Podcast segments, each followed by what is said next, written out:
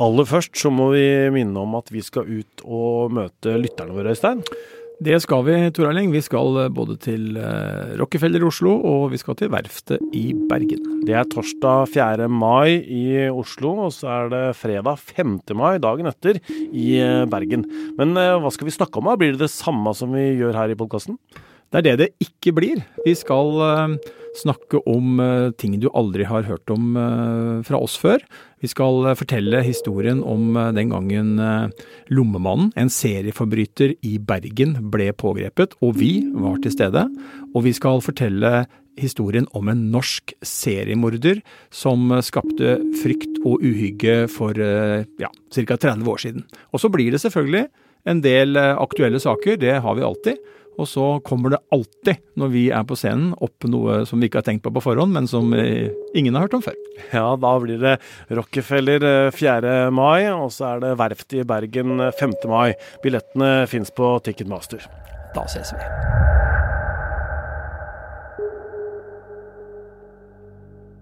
Den 13 år gamle jenta Filippa gikk med avisa på lørdag. Da hun var ferdig med runden, så ringte hun pappaen sin og snakka med han. Deretter skulle Filippa møte ei venninne, men dukka aldri opp. I firetida på ettermiddagen så blei det slått alarm. Hvor var Filippa? Jeg heter Tor Erling Tømt Ruud, og dette er Krimpodden i VG.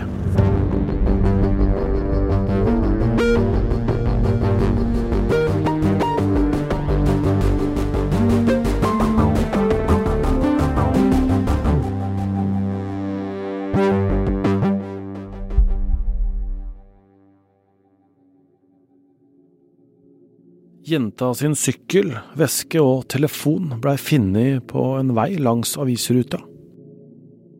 Dette er i bygda Kirkerup i Danmark. Det er på den samme øya som København ligger på. Dette var starten på en veldig stor politioperasjon for å finne henne. I løpet av døgnet fikk politiet over 600 tips om hva som kan ha skjedd. For hver time som gikk, blei bekymringa større. Politiet fikk henta inn en betydelig mengde videomateriale som de måtte gå gjennom. Hele avisruta blei også gått opp. Så på søndag nærma de seg et boligområde ved Korsør. Var det her Filippa var? Ifølge dansk TV 2 sperra Sydsjællands og Lolland Falsters politi, som det heter, sammen med Nasjonal kriminalteknisk senter av et hus. Og det skal ha vært her Filippa blei funnet. Den danske politiinspektøren Kim Cleaver virka tydelig overraska over at de kunne formidle budskapet om at Filippa var funnet i live på søndag. For ganske få minutter siden har vi kunnet meddele Filippas foreldre at vi har funnet henne i live. Vi har anholdt en 32-årig mann, og, øh, og, det gjør at vores øh, her får en litt annen øh, dimensjon. Vi er på forældrenes vegne øh, rigtig glade for det udkom. Vi øh, har haft et kolossalt stort stykke arbejde det sidste halvanden døgn, og derfor er vi også litt påvirket av det. Det den danske politimannen sier, er at det er det kolossale arbeidet som politiet satte i gang som gjorde at de fant Filippa såpass kjapt. Han sa også at det var en glede at Filippa var funnet, men at de ikke må bagatellisere det hun kan ha vært utsatt for. Hans kollega forteller hvorfor de fort starta med jakten på Filippa. Vi reagerte hurtig og fikk hurtig satt en, en øh, massiv innsats i gang for å finne henne. Det har ført til at vi har innhentet riktig mye videoovervåkning. Vi har lavet riktig mye forhør. Vi har vært ute og talt med alle på hennes avisrute for å finne ut av om det var noe unormalt i det. Vi har avhørt riktig mange personer og så har vi fått riktig, riktig mange gode opplysninger fra borgerne ute i nær og fjern. En 32 år gammel mann ble pågrepet på søndag. På mandag nå så ble han framstilt for varetektsfengsling. Dommeren valgte da å lukke dørene i fengslingsmøtet, men dansk presse fikk være til stede på mesteparten av møtet. Ifølge Ekstrabladet så ankom den siktede mannen retten i Nestve iført en grå joggedress og med oransje Adidas-sko. Han så ifølge avisen tydelig nedtrykt ut. Han er sikta for frihetsberøvelse, for å ha ført 13-åringen til to ulike adresser og for å ha voldtatt henne. Voldtekten skal ha skjedd med vold eller trusler om vold. Mannens forsvarer Jens Otto Johansen opplyser til dansk TV 2 at han er gjort kjent med denne siktelsen. Han opplyser til retten at hans klient delvis erkjenner straffskyld, ifølge Ekstrabladet. Mannen er varetektsfengsla i første omgang fram til 11. mai. I begrunnelsen for fengslingen står det bl.a. at eh, på bakgrunn av Filippas uttalelser, så kan det være en medgjerningsmann som er på frifot. Danske Se og Hør har mandag formiddag snakka med Filippas mor. Hun har det bra etter omstendighetene, sier hun i en kort kommentar til Ukebladet. Området som Filippa forsvant fra, er kun to-tre mil fra området hvor den 17 år gamle Emilie Meng forsvant tilbake i sommeren 2016. Et halvt år etter at hun forsvant, så ble hun funnet død i en innsjø på julaften, og saken er fortsatt ikke oppklart. Beboere i området sier at de straks tenkte tilbake på denne forsvinninga av Emilie Meng, da 13 år gamle Filippa ble meldt savna i helga. Politiinspektør Kilver var også sentral i denne etterforskningen, som senere har blitt kraftig kritisert. Den gangen sa politiet at de hadde kikka på over 20 000 personer som kunne ha kidnappa Meng, og at etterforskningen hadde ført til at de slutt hadde igjen 200 aktuelle gjerningsmenn. Hva gjør politiet når de får inn en sånn savna-alarm? Krimpodens reporter Ruth Einvoll Nilsen har snakka med Kenneth Berg, som er politietterforsker. Han har jobba i mange år med drapssaker og savna-saker, og har skrevet masteroppgave om hvordan savna-saker blir jobba med i norske politidistrikt. Hvordan er det for politiet å få inn en forsvinningsmelding?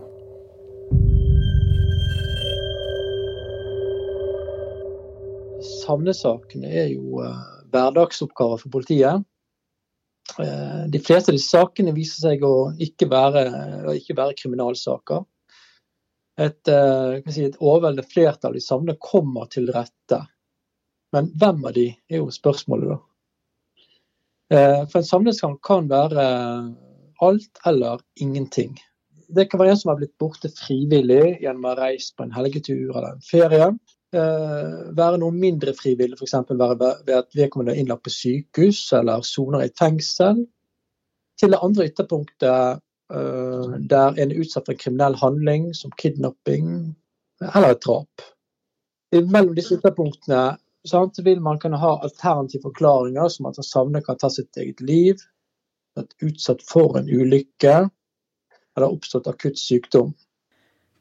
Og med de tingene som eh, du nevner nå, at det kan være alt fra en frivillig forsvinning, sykehusinnleggelse, til et drap. Altså, hva er det som står på spill for politiet når man får en sånn beskjed? Det kan jo på en måte være ingenting òg?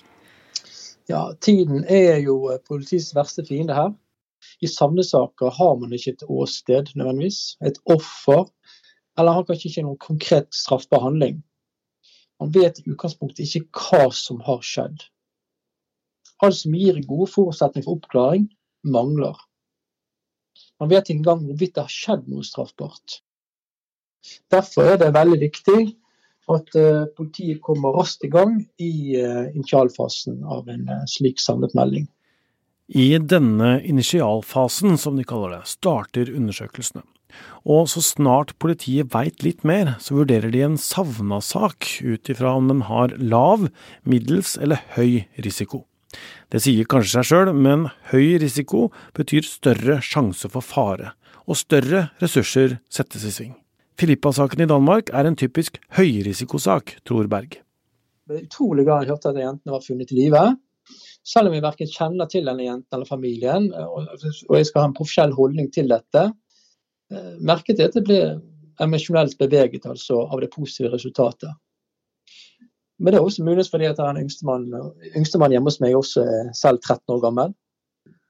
Eh, og Jeg ser på dette som en stygg sak. Og jeg tenker hva den lille jenten og hennes familie har måttet stå i altså, gjennom helgen. Og så vet vi jo at mange blir funnet raskt. Gjør det noe med på hvilken måte politiet agerer på en savna-melding, at sannsynligheten er stor for at, at vedkommende finnes? Ja, det si, ja, det er helt riktig, eh, og det kan det gjøre. Og det er som du sier, De aller fleste kommer til rette etter kort tid, og de kommer ofte rett i god behold. Eh, og noen blir også meldt savnet gjentatte ganger, og kommer så til rette. Eh, og dette kan f.eks. være ungdommer på boinstitusjoner for eksempel, som rømmer. Mm. Dette kan igjen medføre at politiet lar saken ligge i bero, og avventer at saken egentlig skal bare løse seg sjøl ved at savnet kommer til rette på nytt. Eh, men det kan bli fatalt. Eh, det kan jo ende med at savnet ikke dukker opp denne gangen, og da kan politiet ha tapt verdifull tid. På denne tida kan overvåkningsbilder ha forsvunnet, vitner kan ha glemt, og biologiske spor kan ha gått tapt. Noe av det masteroppgaven hans konkluderer med, er at det er litt tilfeldig hvordan en savna-sak blir behandla i norsk politi, ut ifra hvem som jobber når den kommer inn. Og jeg opplever at håndteringen av disse sakene, altså håndtering og prioriteringen si, av disse sakene, ble vurdert eh, som at eh, både kommer til personlig engasjement og kompetanse og tilgjengelige ressurser som litt vilkårlig. Eh, det var ikke noe sikkerhetssystem eller kvalitetssystem som sikret en enhetlig og trygg behandling av disse sakene. Eh, min erfaring er jo at det er mye overlatt til tilfeldighetene hvordan forsvinningssak blir vurdert og håndtert i innledningen. Sett hen til enkelte etterforskeres personlige engasjement for denne type saker. Så I tillegg til at samlesakene er ressurskrevende og de er komplekse, så kan de ofte bli litt oversett. Hva slags status opp opplever du gjennom det du har forska på at savna-saker har i politiet? Forsigningssakene er ikke høyprofilerte saker, eh, f.eks. slik som drapssakene og organisert kriminalitet. Men det kan være et paradoks at forsvinningssakene ikke er høyprofilerte saker, med tanke på at en samlesak savnesak kan jo være en drapssak. Jeg har opplevd at i enkelte konkrete saker som i utgangspunktet har sett ut over en, for si, kan kalle en enkel forsvinningssak, da, senere viser seg å være drap der gjerningsmannen har skjult offeret. F.eks. en ung kvinne forsvunnet som senere ble funnet drept. Kan vi trekke frem her som et eksempel. Eh, men samtidig er det kanskje ikke et paradoks at en forsvinningssak ikke er høyprofilert. Eh, fordi savnesaker som sagt er jo hverdagsoppgaver for politiet de fleste sakene viser seg å ikke være kriminelle saker, og et overveldende flertall kommer altså til rette.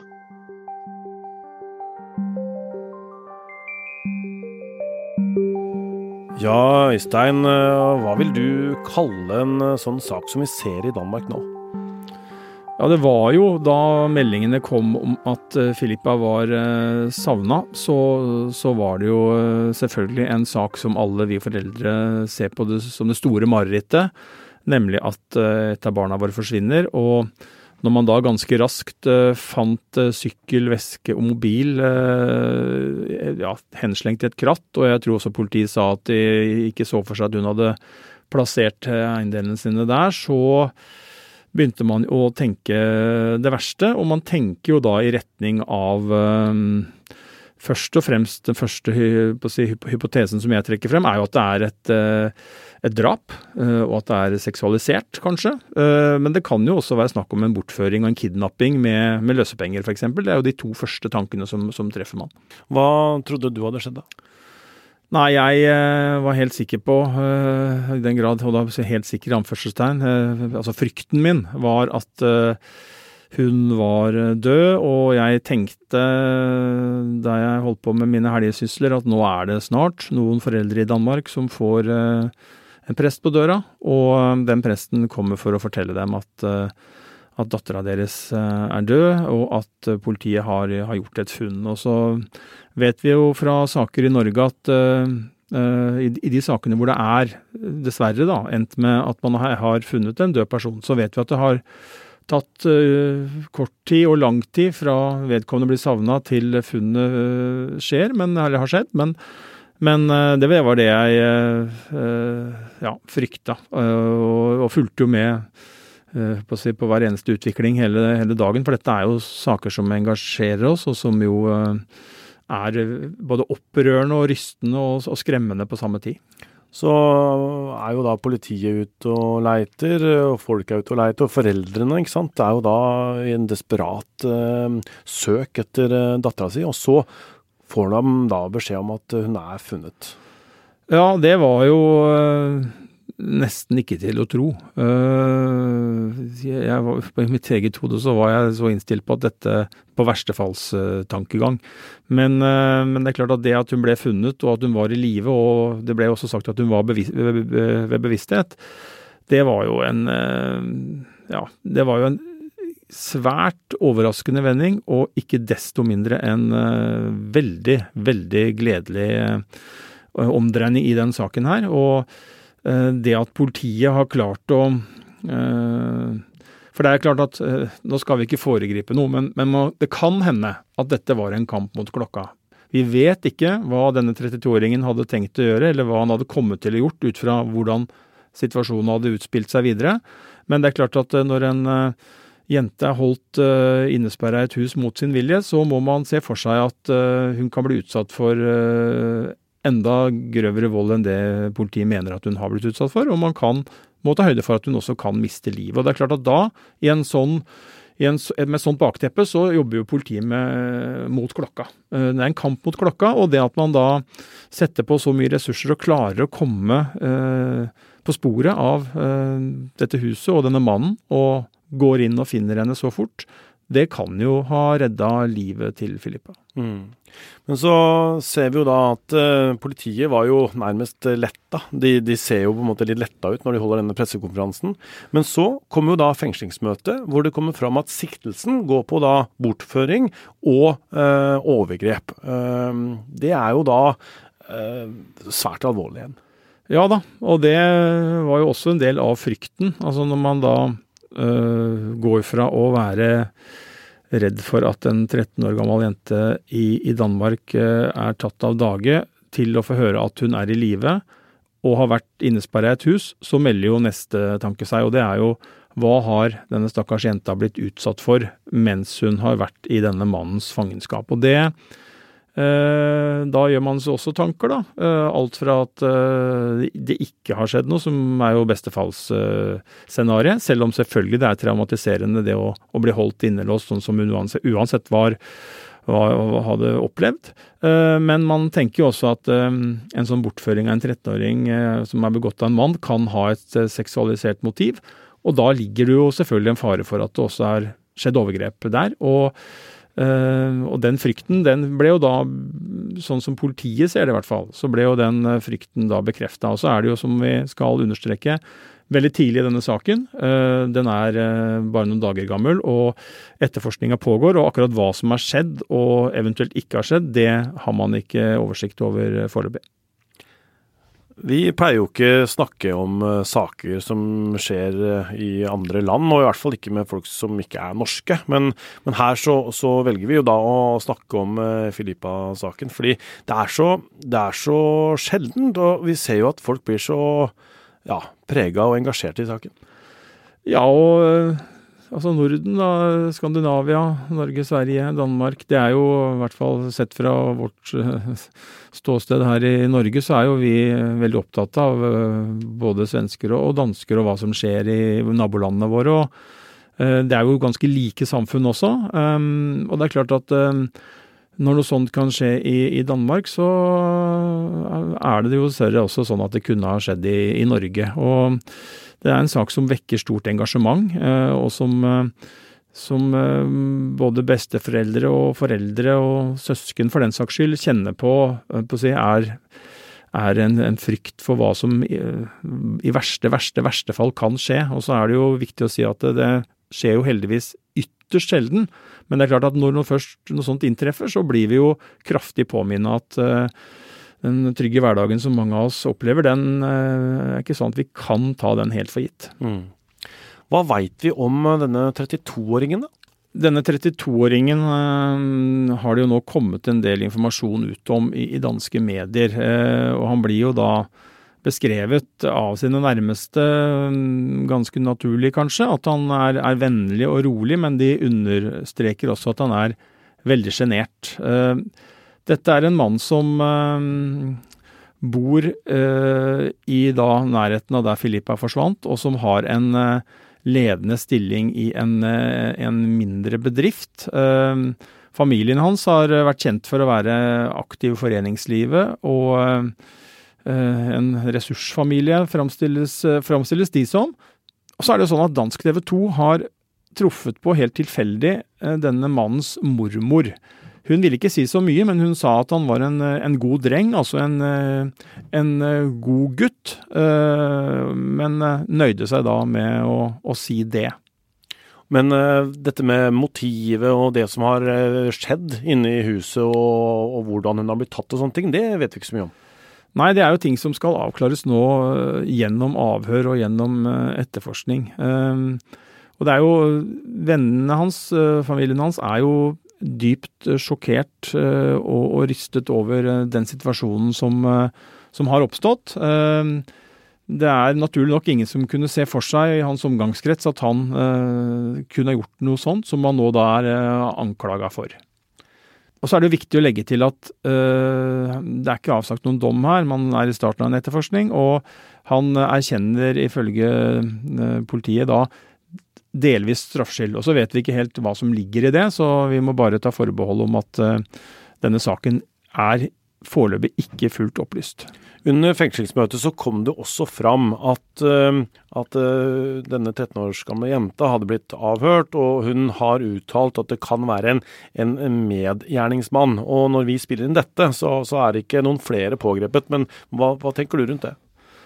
Nei, Det er jo et spor som politiet helt sikkert eh, etterforsker med høy intensitet. Um, og um, dersom det er en, uh, ja, en medhjelper på frifot, så er det jo viktig av flere grunner å få tak i vedkommende. Um, for det første så er det jo å få høre hva vedkommende har å si, men for andre så er det jo sånn at uh, hvis dette er et seksualisert en bortføring, en kidnapping av en 13-åring, og det er en mann på frifot, så, så er det også av sikkerhetshensyn selvfølgelig viktig å få tak i han. Han kan være truendes til å begå nye straffbare handlinger, men han kan også være pressa eh, og komme i situasjoner som han kan bli aggressiv, eh, fordi at han nå eh, vil føle seg som en av Danmarks mest ettersøkte menn. Hvis det, hvis det finnes en der ute nå som er i den situasjonen, så, så er det selvfølgelig en, en, en, krevende, en krevende situasjon.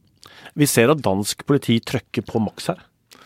Ja, og det er jo eh, helt naturlig. Eh, som vi var inne på, det er heldigvis svært uvanlig, og det skjer jo nesten ikke, at en, eh, et barn blir bortført på den måten. Overfalt, må vi anta, sånn som sporene ligger av denne saken her. At et barn blir overfalt midt på lyse dagen på en sykkel ute på en avisrunde og blir tatt til fange og holdt i et bolighus hos noen som politiet da Eh, denne 32-åringen som politiet mener har utsatt henne for seksuelle overgrep, det er heldigvis veldig sjeldent. Og da sier det seg sjøl at politiet trykker til med absolutt alt av ressurser som kan gjøre nytte for seg.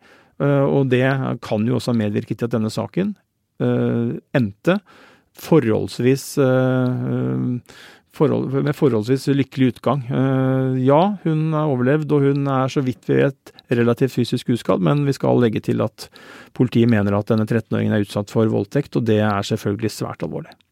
Vi har hatt eh, noen saker i eh, Norge også. Eh, for eh, rundt ti år siden så ble 16 år gamle Sigrid eh, borte. Hun var borte en måned, vel, eh, før hun ble funnet død. Men vi har også saker som man ikke har klart å, å finne jentene som har blitt borte. Vi har Therese-saken, som mange husker, fra 1988. Det er åtte år gamle Therese Johannessen som, som blei borte etter at hun vært i kiosken og kjøpt godteri. Hun da, bodde da på, på Fjell utenfor eh, Drammen der.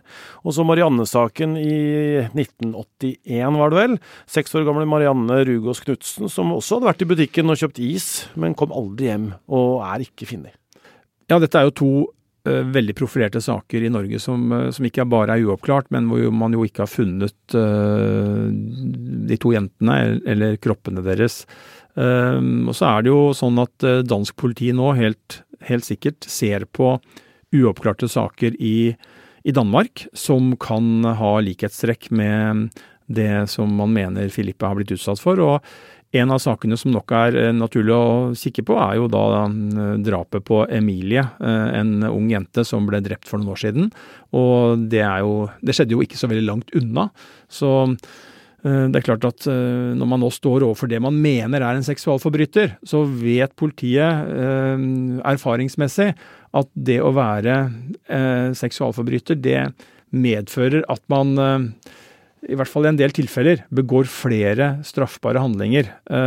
Og det er jo da selvfølgelig noe man tar med inn i en etterforskning når man står overfor en så ekstrem sak som eh, dansk politi gjør nå. Da Filippa blei eh, meldt savna på, på, lørdag, så ble det jo sendt ut et bilde av henne. Det var fullt navn, og medier i hele Norden trykka dette her. Men etter at hun blei funnet, så har vi i VG og de fleste andre tatt bort bildet av henne, og vi bruker ikke lenger etternavn og sånne ting. Hva er egentlig bakgrunnen for det?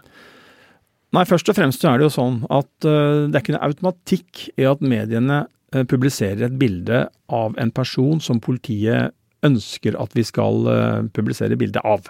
Det er en vurdering fra gang til gang. F.eks. hvis det er et menneske som man tror har, eller har grunn til å tenke at kan ha forsvunnet av fri vilje, så er det et moment i vår vurdering. I denne saken så var det jo ganske raskt klart at uh, en veldig tydelig hovedhypotese var at hun var utsatt for et straffbart forhold. Og da er, tenker jeg det mest tungtveiende argumentet da er jo liv og helse. Altså det at mediene da trykker bildet og etterlyser henne i tråd med det politiet ønska, det kan være med på å oppklare saken. Kanskje har det også vært det, det vet vi ikke. Og for, kan du jo si også i Norge, hvorfor skal vi? Nei, altså dette er da eh, sånn at Og vi har saker fra eh, forsvunne jenter før som man jo kan se for seg kan ha blitt frakta over landegrenser. Og det er jo da et argument for å også her i Norge, Sverige, bruke bildet. Man vet ikke Altså en jente er tatt til fange, eh, tror man og man aner ikke hvor hun er. Og da kan det være at hun har blitt uh, tatt over landegrenser, og derfor er det også relevant for norske medier å gjøre det. Og det er selvfølgelig en stor offentlig oppmerksomhet rundt og interesse rundt en sånn sak.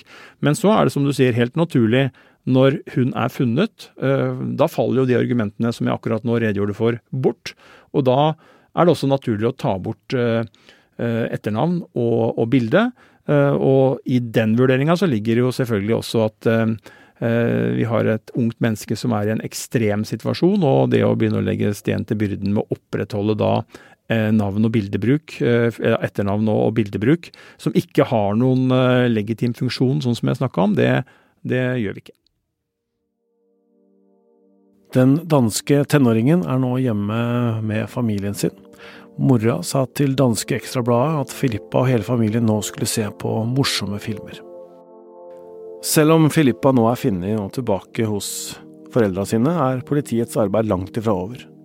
Politiet har til dansk presse sagt at det er mange brikker som mangler i puslespillet, og at de derfor fortsatt holder korta tett til brystet. Politiet takka offentligheten for tipsene og delingen av videomaterialet de har fått, og at de nå søker etter flere svar på hva som egentlig skjedde fra hun forsvant til hun blei funnet igjen. Siden mye av rettsmøtet på mandag foregikk bak lukkede dører, er det fortsatt uvisst hva mannen eventuelt selv har forklart, og hvilke bevis politiet mener de har mot ham. Vi veit heller ikke om Filippa kjente mannen på forhånd, hvordan politiet fant adressen, eller hvor eh, jenta og mannen har oppholdt seg. Så er det en ting du ikke må glemme, Tor Erling. Nei, og det er at eh, vi må minne alle på at eh, på mandager så har vi lagt ut nå flere episoder fra norske åsteder. Eh, nå på mandag så skal vi litt utenfor Oslo, hvor det skjedde et drap. Og vi skal fortelle den historien ved å dra og oppsøke stedet sjøl.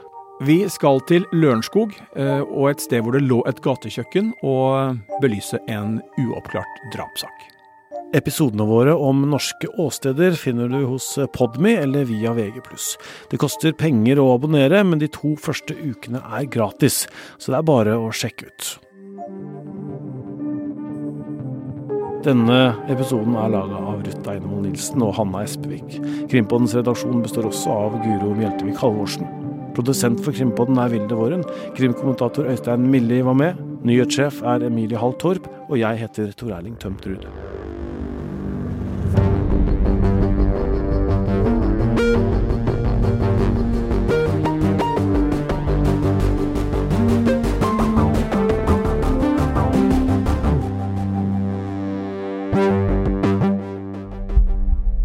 Du har hørt en podkast fra VG. Ansvarlig redaktør, Gard Steiro.